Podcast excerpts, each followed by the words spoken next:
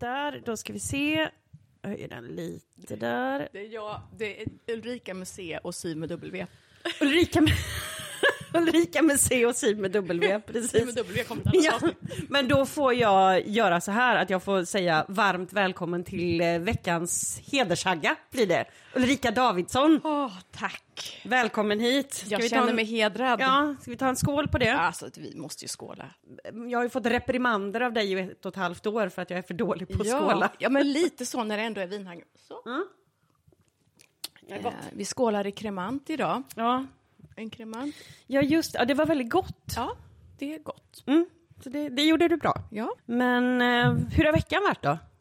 Oj, veckan har varit... Eh, hur har den varit? Ja, nu är jag i Göteborg och igår var jag i Karlskoga av alla ställen. Hoppla, Ja, det är inte... Värmland. Ja, det är det faktiskt. Ja, det är det. Eh, var där på- i jobbet, så att det var väl inte... Men det var inte igår man var där, kände jag. Nej, det är ju inte ett ställe man har vägarna förbi. Ja, ja det kanske man har, ja. E18 nej, och nej, så. det är aldrig. Nej, aldrig. Nej, det har inte jag heller. Nej. Nej, men jag var där i jobbet och sen, ja, jag har jobbat lite i veckan. Jag reser i mitt jobb, så att där, bland annat då, nu i Göteborg, den senare delen av veckan. Men det har inte hänt, alltså ni har så roliga, det händer alltid så mycket kul för alla som är med. Kul och kul! Eller det, eh, dråpligt kanske. ja, tragiskt. Ja, men jag kan inte säga att den här veckan direkt har varit eh, något Så så. underhållande. Nej. Nej. Men då är, då är ju du förmodligen en sån där eh, transport går smidigt. Ja. Jag är ju raka motsatsen. För min, min vecka kommer ju handla enbart om mitt brinnande hat för västtrafik. ja, men nu tog ju du Uber idag, så att nu tycker jag väl ändå att Ja, du, men det var för att jag fick, jag fick till slut ge upp. du hade en gäst som kom för tidigt. Ja, jag hade en gäst som kom för tidigt, men också att jag har flängt runt halva stan. ehm, och det har varit en sån vecka att vad, vad jag än har gjort så har det liksom gått käpprätt åt helvete i lokaltrafiken.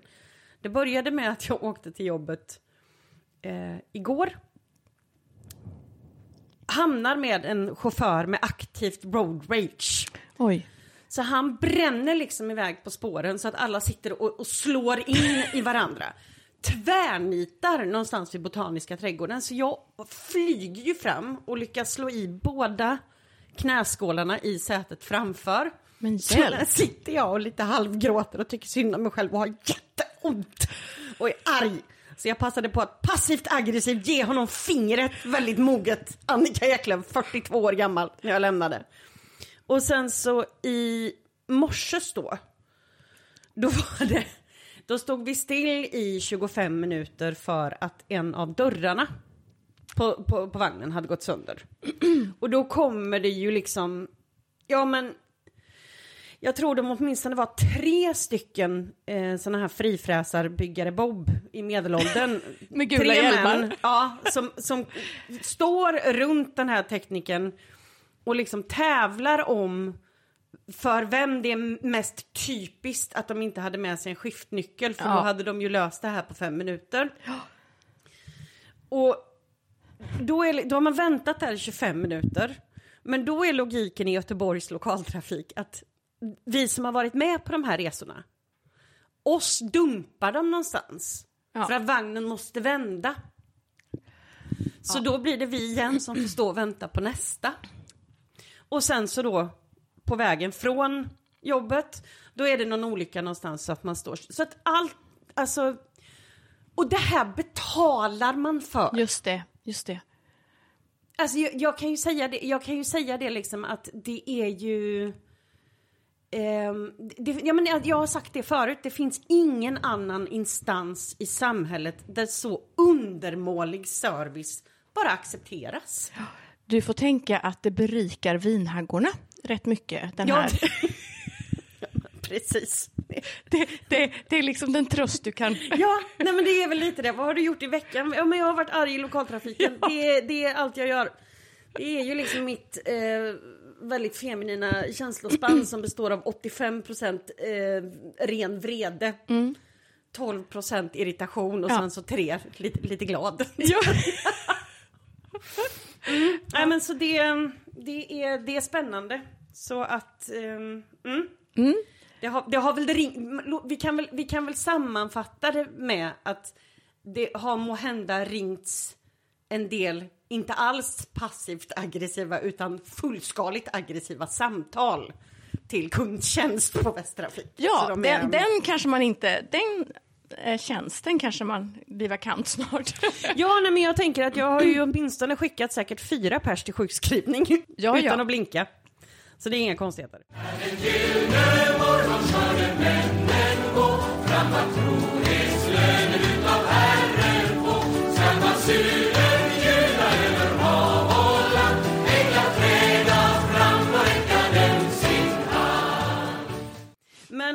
Eh, apropå aggressioner och saker som gör en arg, så dagens ämne.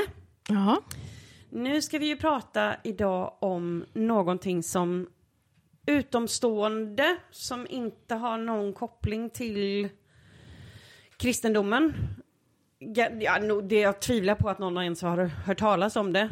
Eh, men det här är ju väldigt, väldigt vanligt inom just eh, frikyrkan. Folk som har lämnat sin tro.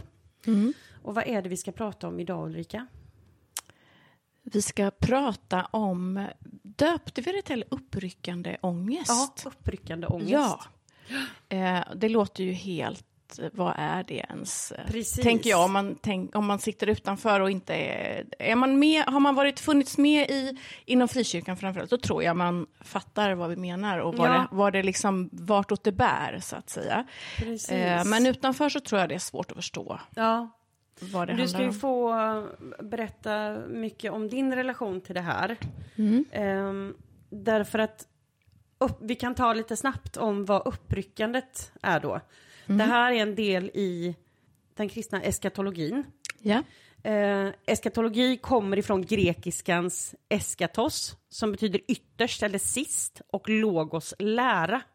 Så eskatologi är alltså inom olika religioner framför allt läran om den yttersta tiden och döden. Och det är ju det att man kan ju läsa på flera ställen i Bibeln om eh, den sista tiden.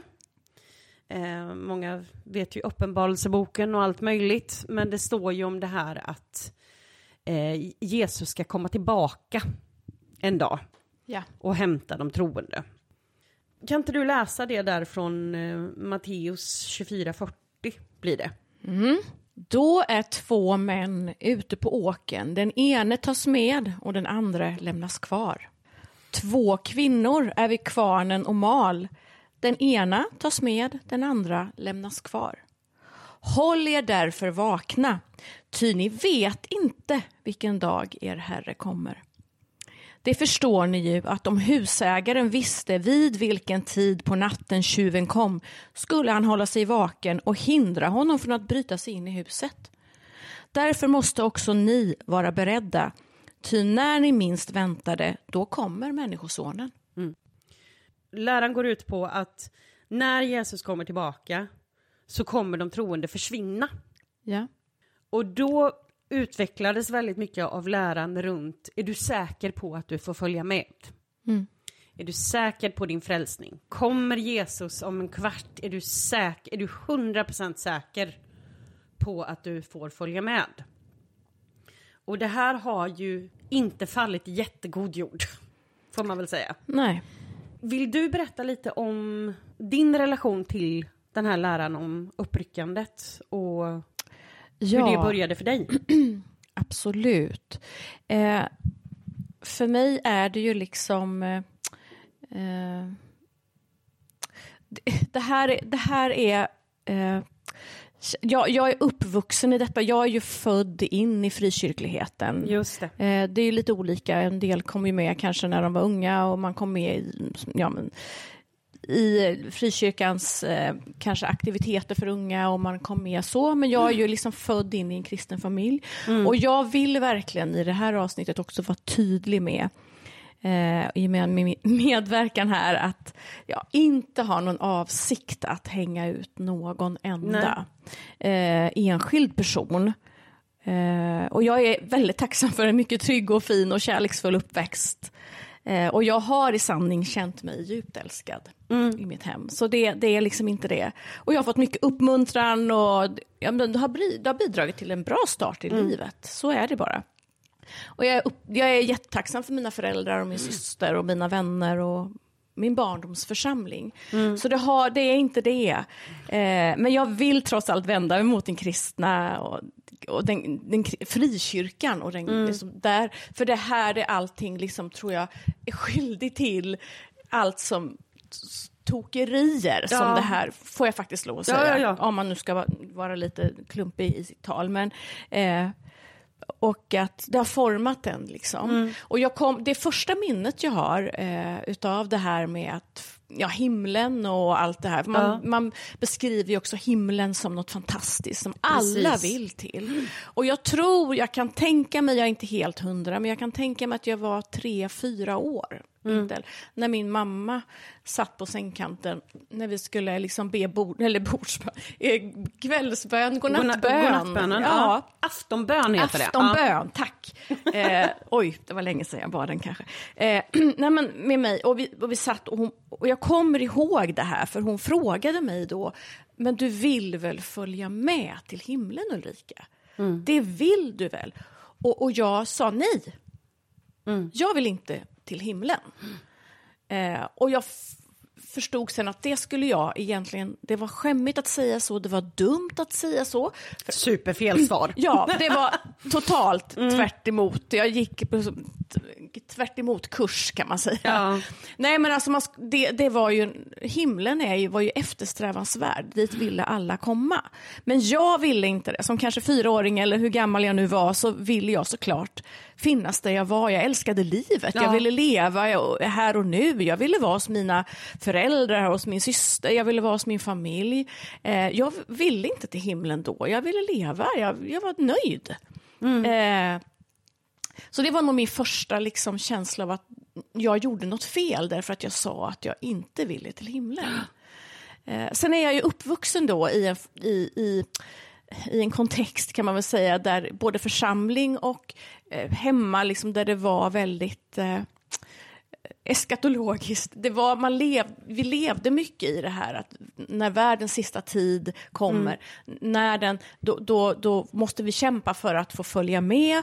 När Jesus kommer tillbaka, då, då ska vi få se till att följa med. Och då handlar det om att leva på ett visst sätt, vara på ett visst sätt gentemot andra, gentemot Gud, för att få liksom, För att få följa med. ja, för att få kvalificera Och sig till himlen. Liksom. Och det kan man ju lägga till att det där är ju inte någon slags avart för din kyrka i Småland, Sveriges bibelbälte. Nej, jag är uppvuxen i en, i en kyrka utanför Örebro, så det här har Ja, inget okej. med Ja, Småland- nej, men Örebro är ju också ett annat Ja. bibelbälte. Från ett bibelbälte till, till ett annat. Nej, ja, men precis. Nej, men jag tänker det att det här är ju fortfarande en, en väldigt, väldigt vanlig sak bland de allra flesta. Ja, det tror jag. Om man, om man, var, om man var med i frikyrkan på den tiden Mm. eh, så, så, eh, så var det nog rätt vanligt. Sen Mm. tror jag att, jag tror att mina föräldrar, min mamma framför allt, eh, må ingen skugga falla över henne för det, men jag tror att hon också var väldigt rädd Ja. eh, och väldigt mån om att vi som barn skulle också få följa med. Vi skulle veta vikten av det här, det allvarliga i det här att hålla sig till Gud, hålla sig till det sanna så att man fick följa med. Och det innebar för mig till exempel att det var inte tal om att gå på disco. Det Nej. var inte tal om att få följa med på bio. Jag kommer så väl ihåg det var en kompis som ville, och vars föräldrar skulle skjutsa oss och vara med på Bernhard och Bianca, det var någon sån här film som Ja, gick på det. den tiden. Ja. Och jag fick inte det. Du fick inte? Nej, Nej. För kommer Jesus tillbaka så går han inte in på bion och hämtar dig. Biografen, det. Då blir du lämnad här kvar och vi andra i familjen får följa med. Det var liksom budskapet. Mm. Och vilket barn vill våga det? vågar den, ta den risken. Liksom. Det blir ju det att man, det- ställs ju inför att absolut gå på bio, men då riskerar du att din familj är borta När jag kommer hem. när du kommer hem. Eh, och den är, tror vi får, får säga det också igen väldigt, väldigt tydligt, att det här är ingenting som är unikt för din familj. Nej. Det är ingenting som är unikt för dina föräldrar. Nej. Ehm, som du säger att det här bottnar ju i både skräck och alltså, omtanke. Det är klart de vill ha med dig. Men jag tänker också vilken fruktansvärd rädsla att gå och bära på. Liksom. Ja. Alltså jag kan ju säga, jag kan ju säga att jag har ju varit rädd i hela min Hela min barndom har jag Ja. varit jätte, jätterädd. Och jag tänkte nog inte på det som rädsla då. Och att det var liksom på något sätt att så här, det var inte normalt att vara så rädd som barn. Men jag har tänkt på det nu. Det har kommit ikapp mig och jag har förstått att eh, jag har burit på en rädsla i princip hela mitt liv. Och jag har alltid varit en sån person, för jag tror också att det handlar om lite hur man är som person, hur det är liksom, hur de här budskapen och hur de här, eh, det man får till sig då, hur det liksom fäste sig på en som barn. Jag var nog väldigt mottaglig. Jag, vill, jag, jag har alltid varit en sån person som går all in för allting. Eh, Passionerad. fullt- Ja, passionerad. Och ska det vara så ska det vara. Jag lämnar ingenting åt slumpen. Och, och likadant med det här, så med hull och hår. Så. Ja. Och jag fick, fick väldigt mycket information om, om olika saker som människor utanför kyrkan inte har en aning om, men är man med i kyrkan så vet man allt. Man vet om uppryckandet, man vet om att det finns något som heter den sista, den sista tiden, Tiden, och eh, ved, den stora ja. vedermödan, plågorna, the number of the beast, 666, att man ska få ett märke på pannan eller handen. Handen, precis. Ja, du vet, jag gick och planerade för hur jag skulle göra om jag blev kvar. Ja. Lämnad, om hur jag skulle kunna handla om jag inte tog det här vilddjurets märke. Mm. Och jag minns också, det här är liksom så, ah, det, det känns konstigt, men, men det var verkligen så. Jag minns att jag och min syster, vi åkte ibland till min mormor. Mm. Eh, typ tre mil i buss själva. Vi blev satta på bussen och sen kom mormor och hämtade oss. Att vi på den tiden vi satt i bussen skulle bli uppmärkta av någon som ville oss ont, typ sätet Ja. bakom, och märka oss med 666. Åh nej. Ja. Alltså jag var helt på helspänn hela Ja. bussfärden. Eh, att, jag, att vi, någon skulle märka, och då var det kört. Liksom. Ja. Då var det ju en evig förtappelse efter det. Hade man väl tagit emot det här märket då fanns märke, det precis, ingen nej. räddning. Eh, det här låter ju som Galle Mattias, och låter, ju- men, men för mig var det ju en verklighet. Ja, men jag tänker lite på det, jag avbryter dig lite snabbt där, för att jag, jag, har, ju en, jag har ju en liten teori om att eh, min generation, jag är ju född 80, eh, du är 69. Jag har ju filurat lite på om, om liksom min årskull där, 82orna, 83 där, är liksom sista årskullen där det här var så otroligt hårt inpräntat. Känner Så- du igen dig lite i det här? Eller? Oh ja, Ja. oh ja. Och Ja. jag kom, jag kom till tro när jag var 12. Ja. Men jag hann få det, det här hann jag få bankat i mig Ja. med, med råge Ja. under 90-talet. Vi, ska, eh, komma, vi kommer komma till lite mm, mer eh, kulturella referenser lite senare. Mm. Men i och med att jag har gått i de här tankarna så eh, ringde jag upp en vän som är, eh, hon är 86 jobbar som pastor. Ja. För jag ville ha hennes perspektiv och se liksom hennes syn på det också. För jag har ju hört mig för bland flera avhoppare och det är ju det är ju väldigt hom- homogent svar. Alltså det är, de beskriver en eh, förlamande skräck helt enkelt. Ja.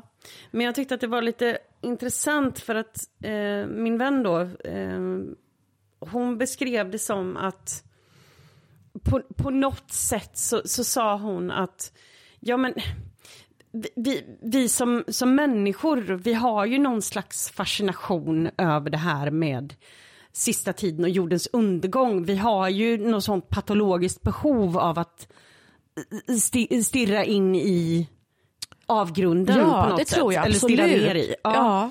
Och hon menar på det att... Vilket man- i sig inte är konstigt, Nej. tänker jag. Det är, det är ju... Precis, Såklart. och hon menar på det liksom att man ser den här fascinationen i alltså, ku- kulturen också. Jag liksom tänker på att det är mycket med det här liksom zombieapokalypsen.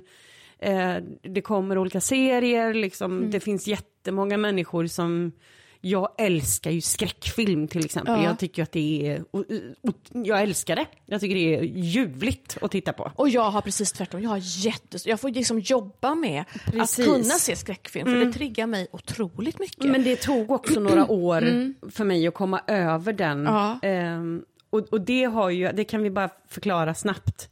Att nästan alla vi som har varit med i karismatisk eh, frikyrklighet, vi fick eh, itutat, där är en parentes bara, men de sa till oss att om du tittar på skräckfilm hemma, då öppnar du upp ditt hem för andevärlden. Eh, så att då bjuder du in demoner till ditt hem. ja. Och den här, jag tror att den har satt sig hårdare, men hos många än vad, vad man kan tänka. Ja. Men för att återgå till hennes, hennes historia där, liksom, hon, hon pratar ju om det att det finns ju den här fascinationen för ja, men zombieapokalypsen och, och skräck och allting sånt.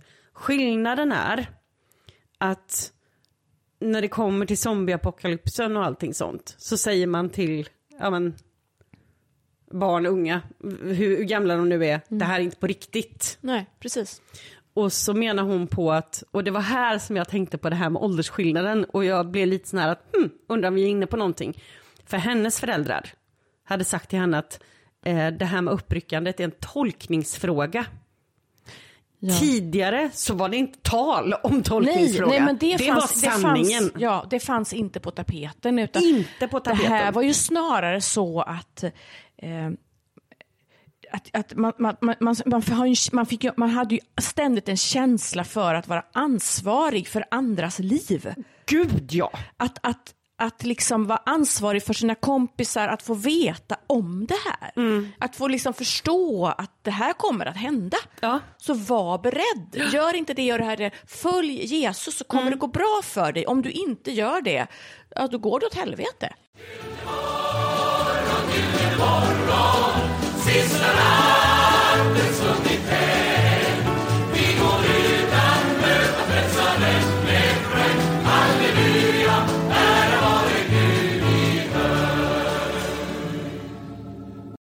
Jag tänkte ju på det här med att, apropå det här liksom med den här skräcken och att, ja men den här skillnaden med liksom att eh, i, när det kommer till i- vanliga hittepå-saker så säger man det här är inte på riktigt.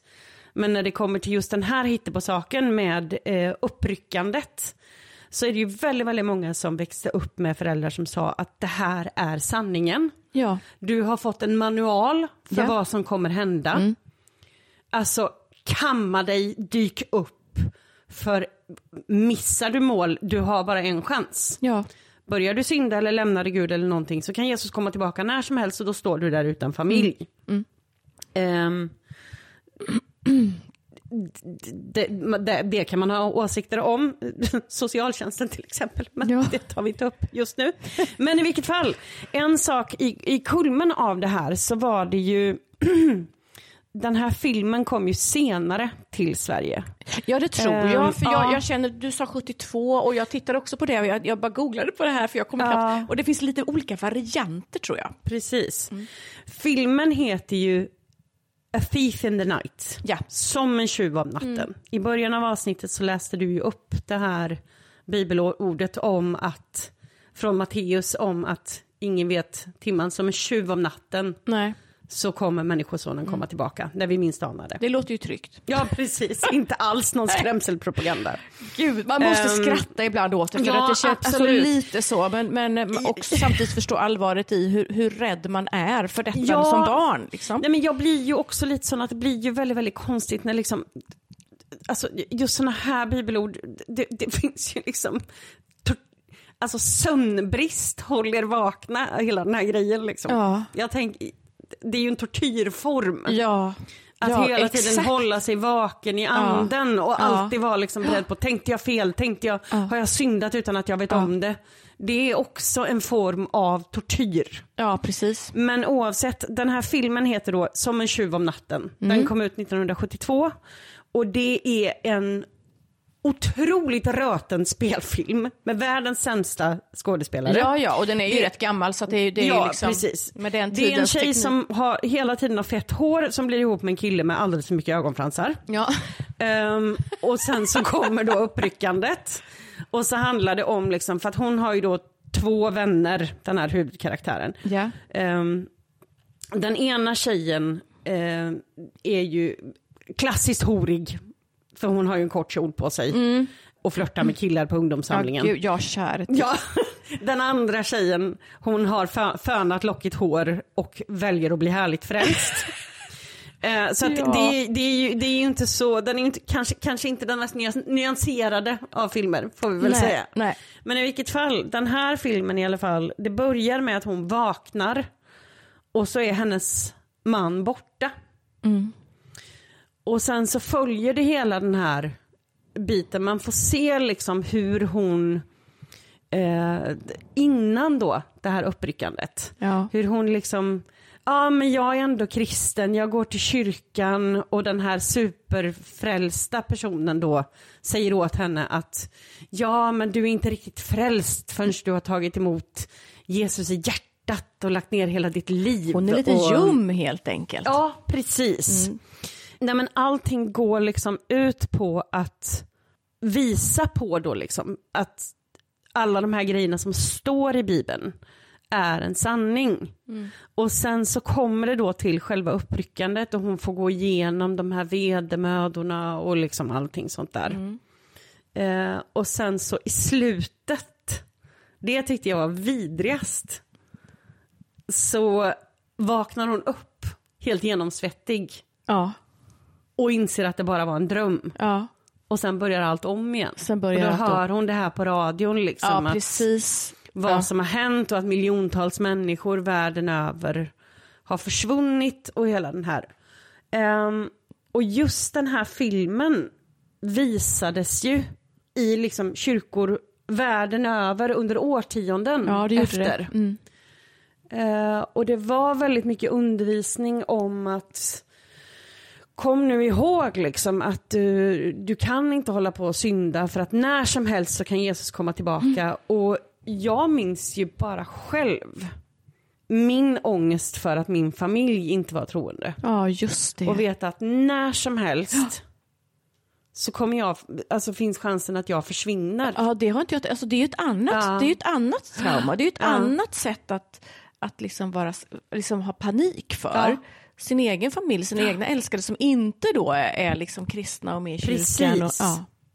För att det var ju lite den här grejen också att just när det, det kom ju på 90-talet så kom det ju en serie böcker som heter Left Behind. ja, precis. Det finns också en otroligt eh, komisk, den ska inte vara komisk men den blir komisk. Eh, det här var i den eran när Nicolas Cage försökte bli av med sin, var i någon form av skuldsanering. Så att han tackade ja till precis alla filmroller som fanns. Så det är han och den här killen med eh, ingen näsa från One Tree Hill. Va? Ja, men den här tonårsserien One Tree Hill. Jaha, ja, ja, så fanns ja. det någon sån blond snygg kille som inte har en näsa. Ja, som inte har, eh, precis. Exakt, så han är med i den filmen Ja, också. Eh, och, och så är det det här att de flyger ett plan och den ena piloten försvinner Ja, men den liksom precis. onda äktenskapsbryterskan är kvar och den tuffa ateisten får stå där Ja. medan hela världen brinner. Ja, precis. Ehm, Ja, det, det, det är ju liksom det jag, jag... Jag kan inte säga att jag har klockrena minnen ifrån den här filmen mer än att jag kommer ihåg en fön, alltså en hårfön som ligger och durrar för sig själv. Och ett plan som störtar och lite sådana saker. Att Ja. det liksom bara händer och bilar som krockar. tänker och, du på en tjuv om natten nu? Ja, nu tänker jag på en tjuv ja. om natten, men du är på- inne på en. Ja, nej, men jag pratade om uh, Left behind, för i En tjuv om natten så är Nicolas Cage tyvärr inte Nej. med. Det hade varit väldigt roligt att se honom i den. Men jag kan inte bara tänka mig att det hade bara gjort den bättre. Ja. Istället så är det en man med sjukt många ögonfransar. Ja. Värt att se det. Jag kommer lägga upp ehm, den här filmen, En tjuv om natten, finns på Youtube. Ja, Jag kommer lägga upp den på Vinhagornas Facebook. Så att ni kan liksom klicka er in och titta på... Vi behöver knappast lägga en triggervarning på den för den. Ja, nej, men... Men, det- eh, men alltså man kan tänka sig in i hur det var att se den då, på den tiden. Ja, och det är ju lätt att skratta åt det nu för att det blir ju lite som jag tänker Katla. Och det här var ju, du vet, det var ju, ja, men jag, jag kommer inte ihåg riktigt, men jag kan tänka mig att jag kanske var tio, någonstans där. Och hela vårt samhälle, vårt lilla samhälle som jag är uppvuxen i var ju såklart där, för det, det var ju den stora händelsen. Man Oh, hade ja. inte liksom, man hade ju inte sociala medier, man hade inte liksom Netflix, alltså det vet Gud, vi ju nej. allihopa. Ja, men det fanns, det ju här knappt, ju det fanns ettan och tvåan. Exakt, det här var tiden när man hyrde Moviebox. Nej, inte ens det. det Fanns inte det på in- den? Nej, jag tror att det var innan movieboxen till och med. Ja, men sån här, vad, är de, vad var det de hette? De här, med, när man drog ner vita duken Ja, och så projektor. Ja, no, Super 8-film typ. Ja, men- Ja. Ja, men alltså, ja, men alltså det här att det visades en film i kyrkan var Ja. jättestort och då var det ju inte bara vi kristna ungar som var Nej. där utan vi drog ju med våra kompisar från skolan och, och sa att ikväll är det film i kyrkan och, och så, det var ju Mm. Fullsatt liksom. liksom, av tioåringar och äldre givetvis och kanske yngre också, jag vet jag kommer katten inte ihåg det men, men så att det var ju en grej som var jättestort och eh, jättehäftigt. Och, och tanken var ju såklart att verkligen få upp ögonen hos människor att titta här nu liksom. Ja. Se vad som kommer att hända. Det här är ett budskap till er liksom. Mm. Håll er vakna för ni Håll vet inte timmen eller dagen. Ja. Ja. Och just den saken tror jag blir så speciell för att alltså Nej, men det, det jag själv- menar Annika, det är att det föregicks ju inte av ett tal att det här ni ser nu, det är inte på riktigt. Nej. Det här, det här är bara på låtsas, ja, men som vilken eh, liksom, Skräckfilm som helst, ja. Det här är bara, så, så tar det med en nypa salt. Det föregicks inte Nej, av nej, det, nej. utan tvärtom. Och också ofta med en efterföljande predikan Mm. om att det här är vad som väntar. Ja, och vill du lämna dig till Jesus här och nu så går det jättebra. Exakt. Var en av dem som får följa med. Mm. Liksom. Och den där blir så, och det, jag märker ju det liksom att jag har ju, jag har pratat med eh, många, en annan sak som jag kommer länka till för övrigt eh, på Vinhagarnas Facebook, det är ett inlägg av eh, en, en blogg som heter Den ofrivilliga eremiten. Ja. Eh, Det är bra. Hon, ja, det är riktigt bra. Hon har skrivit ett, in, ett inlägg om just det som du sa, det här dåliga samvetet för att man inte ville dö, man ville leva. ja, men precis. Och det är Man sån ingen- igenkänning på det, Ja. kära någon. Att man inte hade längtan till himlen Ja. på det sättet och, och i och med det dåligt samvete. Mm. Men Och hon Det blev över- ju då liksom också, hon var också med när det här med Estonia-katastrofen. Precis. Det är så, alltså det är så smärtsamt att Ja. läsa det här tycker jag. För det, jag förstår verkligen hur hon, har, hur hon kände då. ja, Eh, det, samma här. ja, fy. När den gyllne morgon de avsomnade träda fram ur gravarna att Herren se. Jubelrop och sång ska fylla himmelen. Ty de kära evigt mötas får igen. Jag tänker just den, den biten med, eh med just uppryckande ångest, hur det kan ta sig uttryck om vi ska bryta ner det här då. Så är det ju att man lever i något slags konstant stresstillstånd. Ja. Att, och när det här dras till sin spets, det kan vi ju se i, ja men som till exempel i, i Knutbysekten, så hade de ju perioder när det var sådär, nej men skaffa inga barn, det är ingen idé. Nej. Det är ingen idé att utbilda sig, det är ingen idé att tänka på miljön, det, för det kommer ta slut snart. Ja. Det är bara en tidsfråga. Ja. Eh, och sen så har man liksom, men även om man inte har hela den grejen så är det ju en, en sån sak som många äldre sa att eh, om Herren dröjer. Alltså, Ja, vi, se, vi, vi ses på måndag, ja om Herren dröjer och, ja. Och, vi, och vi får leva liksom. och vi får leva, precis. Och jag tänker att just att ha det här hängande över sig, att på något sätt så, det, jag tror också att det skapar en otrolig anknytningsproblematik. Eh, att för, för en del. Att man liksom inte riktigt kan fästa sig. För jag kan känna igen lite den grejen med att eh, för mig så blev det ju just, det har jag ju nämnt förut i podden, gjorde ju ett avsnitt med min syster till exempel Ja, när vi precis. pratade om Ja. det här med att växa upp i samma familj men med helt olika syn på det. Och för mig så blev det ju verkligen just det här att ja, men jag kom till en punkt när jag förstod att okej, de kommer inte bli frälsta. Nej. Och, och, och kände då att jag var tvungen att emotionellt separera mig Ja, ifrån Ja. dem för att tanken på Ja. att de liksom inte bara helvetet utan kanske vedermödan, allting sånt. Allting sånt. Så, ko- alltså, du behövde liksom stålsätta dig. För, Stålsätta mig, på något precis. sätt. Ja.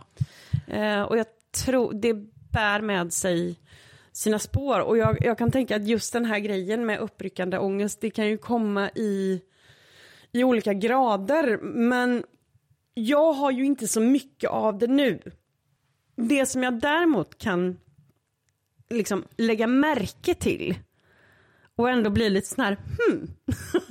det är att varenda gång som jag kommer ut och det är ovanligt öde ute, att det inte är en människa ute, då är oh, oh, alltså, utan undantag den absolut allra första tanken som kommer upp i mitt huvud är uppryckandet. ja.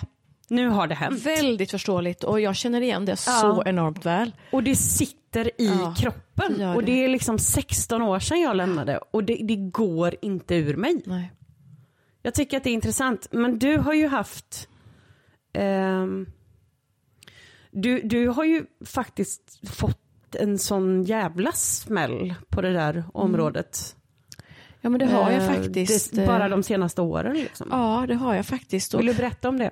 ja för jag tror att i, när jag var i det här och när det, det, var, det var ju snarare så att man kände sig privilegierad kanske man kan säga. Att Man var då kristen, att man hade fötts i en kristen familj och det jag sa tidigare att man kände ett ansvar för att frälsa alla andra och, ett ständigt liksom så.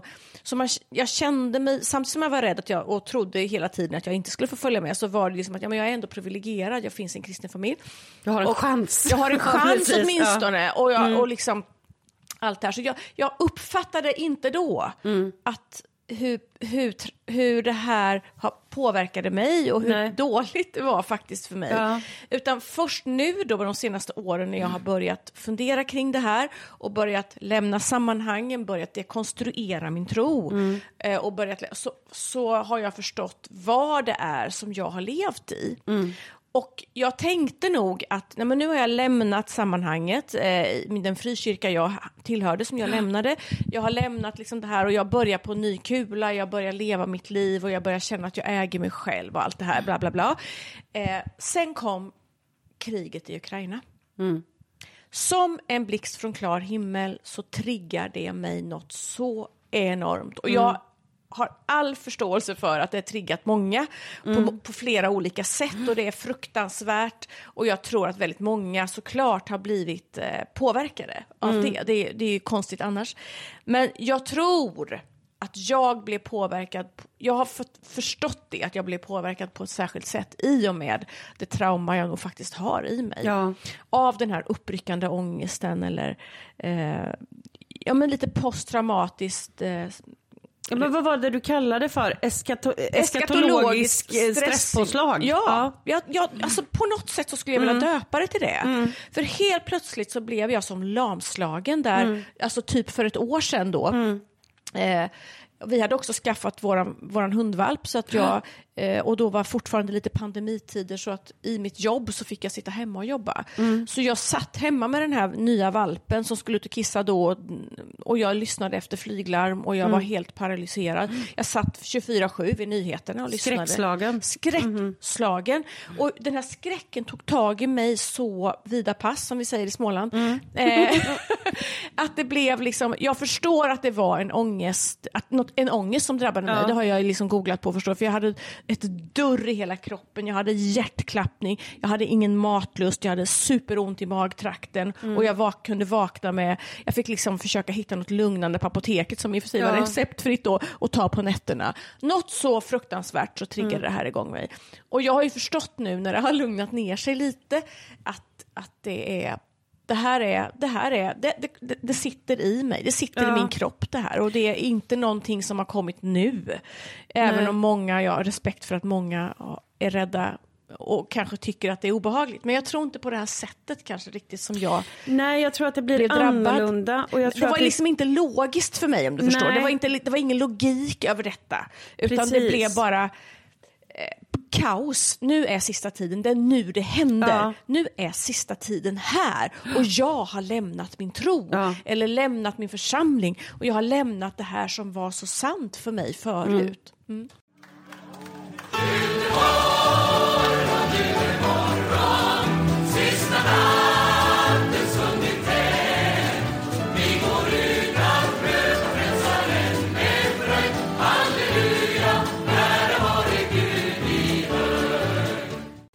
En sak som jag tror hänger ihop mycket med det här också. Det är ju den här eh, fruktansvärda bilden som de alltid målade upp eh, av Guds beskydd som ett paraply. Minns du den? Ja, absolut. Att så länge du liksom går med Gud så är du under Guds beskydd, det här paraplyet. Ja. Går du utanför det, går du utanför Guds ord och allting sånt, då kan precis vad som helst hända. Ehm, det i kombination med det här, det blir ju inget bra. Och vi Nej. ska ju vara tydliga med att vi tar det lite försiktigt i och med att du fortfarande är i det. Jag är och, i och det. jag värnar om din integritet och hela balletten. Mm. Men du berättade förut om eh, en händelse på gymmet som jag tyckte var så otroligt träffande och talande och jag känner ju igen mig. Ja. Ja, jag Vill du blev... berätta om det? Ja, men det kan jag göra. Ja, det var jättekonstigt. Alltså, det var typ förra veckan var det nog. Jag var på gymmet. Jag går ju på step, steppass nu. Ja. 90-tals. Ja, det är väldigt 90-tal. Ja, men det är så roligt. Och det, ja, jag vill slå ett slag för det, för det är väldigt bra. Eh, bara man inte stukar fötterna när man går upp med steg. Och det har jag nästan gjort. Men i vilket fall som helst, det är rätt högt tempo, man kör järnet och så på slutet, det är Friskis ska jag säga för att göra lite reklam. Eh, på slutet så är det oftast lite extra BPM på, man drar på i högtalarna och man kör lite snabbare och eh, tempot är ökat. Just Så var det lite, och lite högre musik, det snabbare tempo. Och i låten så kommer det, alltså men typ, du, vet en, en siren eller som en, nästan som ett flyglarm i, i musiken. Ja. Och jag får direkt kalla kårar i kroppen och jag tänker att nu, det är nu det händer, nu kommer ryssen. Ja. Nu kommer de. Och jag de måste, här. jag måste ut och kolla min telefon, jag måste ut i mitt skåp och kolla telefonen. Jag kunde inte slappna av, eh, utan jag kände, jag kunde inte vänta nästan, nu var det ju slutet av passet så att det Ja. var inte, men jag bara kände det här att paniken, jag fick hjärtpåslag och jag kände jag måste ut och kolla DN nu, DN-appen här om det har hänt något. Har det hänt något? Har de invaderat oss? Har det hänt något? Och jag, bör, alltså jag blir så trött på detta. Ja. För att jag tror inte det här, det här är inte normalt att känna så här. Och då bara, men jag, jag kunde samtidigt sansa mig och tänka, ja men det här, det här är nog en del av det jag har med mig. Liksom. Ja. Jag skulle, Jag- jag, skulle jag- säga det. För det är inte, jag, jag såg ingen annan som blev stressad över detta. Nej. Och det var knappt ett, så att man, det var hörbart i musiken, Mm. men det, var, det triggade igång mig så otroligt mycket. Mm. Eh, Så jag förstår ju att jag är i behov av samtalsstöd. Jag har inte sökt det än. Jag är i Nej. behov av människor som, som att kan prata med i detta, Ja. som har lite förståelse också för det här eh, och förstå vad jag menar när jag pratar om det här. Men jag har inte kommit dit här än. Så Mm. Nej. att jag, är i en känslig, jag är en känslig situation. Och jag Ja. kan tänka mig att det finns fler. Jag Ja, vet att det finns fler Jag dessutom. skulle säga det, det var därför jag bad dig att berätta om det här. För jag tror verkligen inte att du är ensam om det. För just när det kommer till eh, trauma Mm. så kan det triggas igång av saker som man, in, man inte är förberedd på. Jag är ju inte jätteförtjust i att berätta om personliga grejer. Nej. Men jag kan, jag kan ändå er, alltså, bjud, bjuda lite på, på en sak Så att du känn, kanske liksom känner dig lite mindre ensam Ja, i det. men det vore jätteskönt. Eh, jag vet att min PTSD triggades ju igång av eh, jag bodde på en plats i Göteborg där de höll på att bygga Västlänken. Ja, just det. Ja, Den omtalade Ja. Västlänken. Precis, jävla Västlänken. Ja. Eh, och det sprängdes Ja. nästan dygnet runt i den här tunneln. Och mm, alltså, mina trauman är ju inte kopplade till krigssituationer. Nej. Men min PTSD, den blommade ut som en sommaräng Ja. på grund av de här konstanta sprängningarna. Så att man kan liksom inte alltid riktigt veta vad det är som drar igång det. Nej, och vad som triggar igång vad, det. ja, Nej, man har inte det klart för sig att okej, nu ska jag vara beredd här för nu kan det här trigga igång utan Ja. det kan komma liksom blixtsnabbt Ja. och man är inte förberedd. man är inte förberedd. Nej. och Och man, tror att jag ja. är en skitstark person. Jag skulle vilja säga det, att jag är rätt stark, rätt tuff människa. Mm. Jag tror att många skulle beskriva mig så också. Jag, jag snackar mycket, jag är tuff, Mm. jag är en tuff tjej. Liksom. Men eh, det hjälper inte. Nej, För när triggersarna kommer, då kommer de med full kraft. men jag kan ju lugna dig med en sak där. Att just den här grejen med äh, att, liksom, att man är en tuff och stark person. Det har ingenting att göra med det. För det här, handlar, det här är en neurologisk fråga. Därför att när det kommer till eh, trauman som har satt sig, alltså skapat PTSD, posttraumatiskt stresssyndrom. Då är det att den här, alltså urdelen i hjärnan, amygdalan, Ja. den står för fight, flight, Ja. freeze. Ja. Och det här är liksom vårat, alltså överlevnadsinstinkten. När vi är under extremt hot. Poäng, problemet är du har en annan del i hjärnan till exempel som hanterar alltså, eh, rimliga rädslor, hippocampus. Men vid PTSD så växer amygdalan och hippocampus krymper.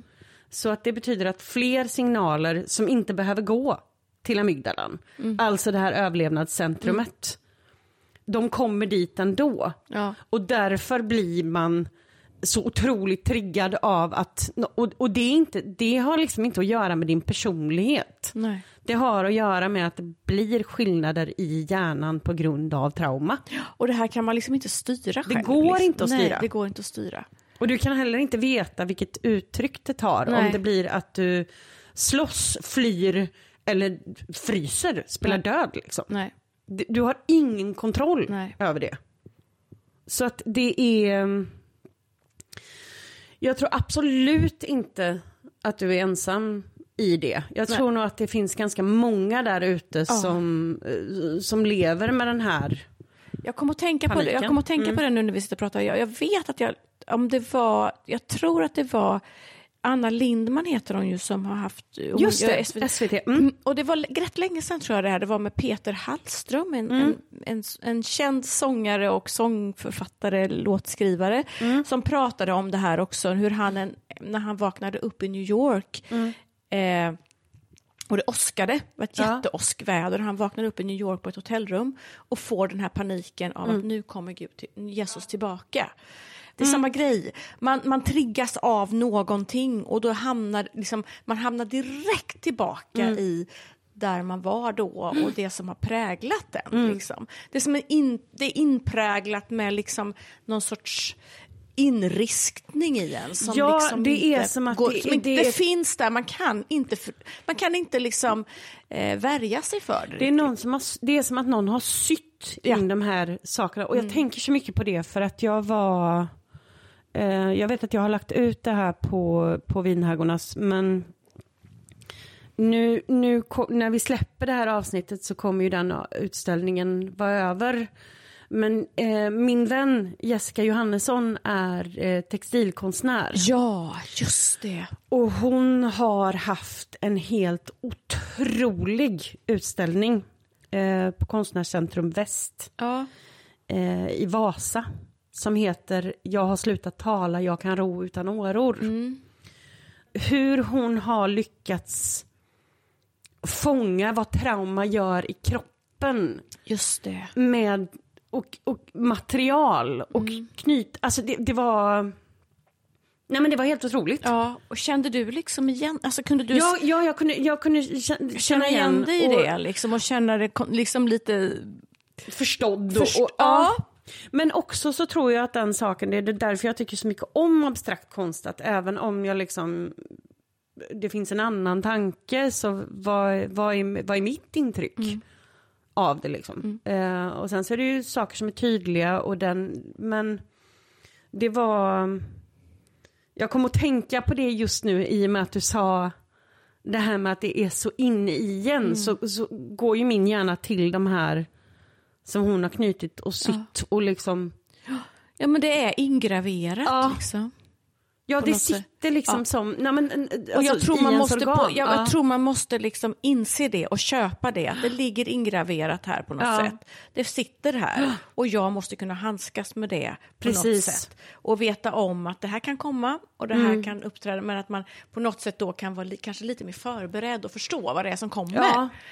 Eh, Det är det Ja, man kanske behöver när- hjälp med lite. När, just, när det börjar, när det slår en, då förstår man ju inte vad som händer. Nej, utan det är lite med lite perspektiv på det Ja. så man kan förstå att okej, det var det här som hände. Precis. Eh, när det har lagt sig lite. Men jag tror just, just den här saken att det här är ju ett sånt, nej men vad ska man säga, generationstrauma. Ehm, och det är så himla, i, i så många olika åldrar. Som har påverkats så otroligt djupt. Ja, vi är rätt många, skulle Ja. jag säga. Vi är rätt många som har påverkats av detta. Och, och jag tror att prata om det är jättesvårt. Ja. För man hittar det inte riktigt, man vet inte riktigt hur Nej, man ska prata man om skäms det. lite man också. skäms också. Och det är... Det är som att säga att man är 42 och tror på tomten. alltså, eller, nej men Krampus eller vad som är. Nej men li, lite Ja, den absolut, saken. ja. För att man vet ju om att man är en kapabel människa Mm. som, som kan jobba och betala sin hyra Mm. och ibland diska. Det, det är liksom min absoluta favoritgrej som jag har eh, fått av, fått av en vän. Det är en, en teckning av eh, Nina Hemmingsson där det står eh, jag sköter min personliga hygien och jag har inga planer på att bränna ner föreningslokalen. Det måste väl ändå vara nog. Ja, Perfekt beskrivning av mig. det låter som en sån här brodera... Ja, exakt. Ja, precis. Ett bra broderi. broder, ja. Nej, men det, blir, det blir just de här sakerna att man som vuxen person när det här slår en, det är svårt att känna sig så att man tappar kontrollen över sig själv Ja. och sin omgivning från ingenstans och förstår inte vad som händer. Nej. Och som jag säger att jag tror verkligen inte att du är ensam om det här just och jag tror också att jag tänker med hela biten med covid eh, att det blev en, en, en sak för många också. Ja. För att det här är ju någonting som, alltså jag menar, kristna genom tiderna har ju varit besatta med att försöka tyda tidens tecken. Verkligen, verkligen. Covid var ju en riktig sån milstolpe Ja. kan man väl säga. Eller vad man ska Ja. säga att nu så, nu så, nu. Men så är det ju alltid. Och med för att- vaccinationer ja, och- Ja, ja, och, och, och betyder det här att det är märket? Och, Ja, nej, men alltså, exakt. man, man kunde ju höra Ja. Mm. folk som började borra febrilt i liksom tundran för att skapa mm, liksom sådana bunkrar som de kan bo i. Men jag tänker lite det att i just, i just det här avsnittet så har vi fokuserat lite mer på eh, det här med upplevelsen kring det. Eh, jag kommer ju spela in mer framöver med lite mer eh, fokus på teologin om just eskatologi och allting sånt. Eh, en sak som jag brukar tänka på när min egen sån PTSD kickar igång, att det är sista tiden jag har lämnat allting sånt. Av alla märkliga saker som man kan välja att hänga upp sig vid så är det nämligen så här att en, alltså om, om det då är så, le, vi leker med tanken att eh, det som, vi bara leker med tanken att det som står i Bibeln är sant. Det här kommer hända. En sak som är väldigt, väldigt viktig som man ska komma ihåg och det är att innan Jesu återkomst så ska evangeliet ha predikats till alla folkslag. Ja, Och det är där norra sentinell, våran frälsare, kommer in i bilden. Ja. Det finns nämligen en ö som hör till Indien som är en av de här få kvarvarande, alltså orörda folken. ja. Och de här, det här är en sån sak som jag, jag vet inte varför, jag tycker att det är roligt för, för att jag är tramsig. Men, men det är också en sån sak faktiskt som att när den här skräcken kommer över mig, för det kan komma över mig ibland också, Ja. 16 år senare, så tycker jag att det är väldigt, väldigt skönt att känna att den sista liksom hållplatsen, jag behöver inte vara stressad inför Jesu återkomst förrän Norra Sentinell har blivit tagen. Tills dess är det coola bananer. ja. För att de har inte hört om Jesus, Nej, ser du. nej. Och de mördar varenda person Som som, en, ja det var ju någon sån tossig missionär. Ja, just det, det var inte så länge sedan Nej, va? nej, nej, det var n- några år sedan bara. Eh, som, eh, nej men han skulle ju dit med sina kladdiga fingrar och predika evangeliet. Mm. Eh, och betalar ju då eh, fiskare för att släppa av honom i närheten, tog sig dit med kajak, höll på i evigheter med att liksom Så blev det väl det. Ja, precis. Så blev det med det som blev superdödad. Eh, och, och, och det är en sån här... Heja sentinellerna. Ja, men jag menar bara det. Så att om det är någon som sliter med det här, Ja. med uppryckande ångest med sista tiden, paranoia, så vill jag bara påminna er om att Norra Sentinell finns. Är ni osäkra, läs på. Det här är en guldgruva Ja. när det kommer till att handskas med liksom, ja men vad var det vi sa, eskatologi, eh, Eskatologiskt ångest, ångest. eskatologiskt ångestpåslag. Eller Det syndrom är- eller vad man ska säga. Ja men precis, Det, det är mitt absolut bästa Ja. råd. Läs på om Norra Sentinell. Sentinell. Så länge de håller liksom, Flaggan, flaggan fanan. fanan i topp Ja. så, är, så är det chill. Ja.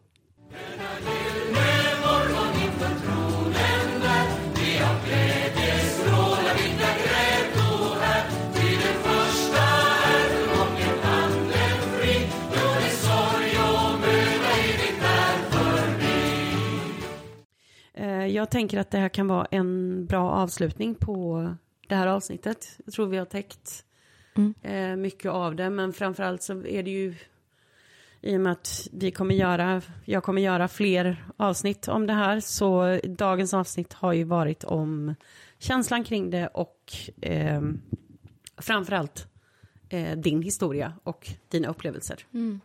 Vi ska börja runda av här. Men en sak som jag faktiskt glömde eh, säga i introduktionen när det kommer till dig, det är ju att du är ju eh, administratör, får man säga, för en grupp som heter Fria Fåren. ja, Som man kan hitta på, på Facebook. stämmer. Eh, vill du berätta lite mer om det? Ja, Fria Fåren är en Facebookgrupp, men man måste då liksom bli godkänd för att komma Ja. in i gruppen såklart. Och det är utav omsorg av de som finns med i gruppen. Och givetvis. respekt för alla andras integritet. Ja, och det är en, så att det är en, vad kan man säga, låst eller stängd, jag vet inte, Mm. stängd, grupp. För, för eh, man måste svara på några frågor för att komma med Precis. i den här gruppen. Eh, och det är ju för att då vi, vi är en gäng dekonstruerande, eh, alltså en del har precis börjat kika ut ifrån sina sammanhang, eh, Mm. funderat på detta kring tro, otro, tvivel. Mm. Andra har helt lämnat oss och skickar det långa fingret till Mm. Gud. Så att vi är en rätt så spretig skara i den här gruppen. Men Fria Fåren, om man är intresserad av att titta in. Men det jag vill säga om Fria Fåren är att vi har, gjort ett, eh, vi har skickat ett initiativ. Ja, till- berätta mer om det. Ja, och för dialog med FSR som står för Sveriges frikyrkosamråd. Eh, och det är ett samarbete som består av flera olika frikyrkor i Sverige. Eh, kyrkor i Sverige kan man säga. De, de kyrkor och samfund som är medlemmar i Sveriges frikyrkosamråd utger den största delen av frikyrkofamiljen eh, i Sveriges kristna råd. Ja, så lite klurigt. Men Ja. vi har skickat då en, ett förslag eller ett initiativ och det gäller då behovet av samtalsstöd för i och med att vi är så många i den här gruppen, Precis. över 500 personer, eh, och jag vet att det här är bara liksom Äh, bara skrapa på ytan. Ja, det är bara att skapa på ytan. Av människor som ändå har vågat ta sig in i den här gruppen och Exakt. vågat ifrågasätta det de har varit med om. Eh, och, och, och, och som lämnar sina trossammanhang och som, det, och som har tagit skada. Eh, och det har bidragit till psykisk ohälsa. Och jag är ju en av dem som känner av det här att man är behov utav, man har något typ av religiöst traumasyndrom Trauma, i detta. Ja. Eh, och man är behov av en rätt sorts terapeuter och då pratar inte jag om själavård inom kyrkan, innanför Nej. kyrkans väggar, typ av en pastor eller en ledare. Det är inte det jag pratar om, utan jag pratar om professionell vård någonstans. Men det är svårt att hitta, lite svårt att hitta det idag än. Mm. Jag tänk- tänker att de som pluggar nu till psykolog, det finns en, det finns en uppsida här alltså. Ja. Det måste jag väl ändå säga. Ja men det måste man verkligen. Om man nu Eh, har minsta insikt i detta och förståelse för eh, det religiösa traumat, så shoot säger jag. Gå på detta för Ja. att, eh, att kunna förstå att ha förståelse för eh, precis det här Annika och jag har pratat om här nu.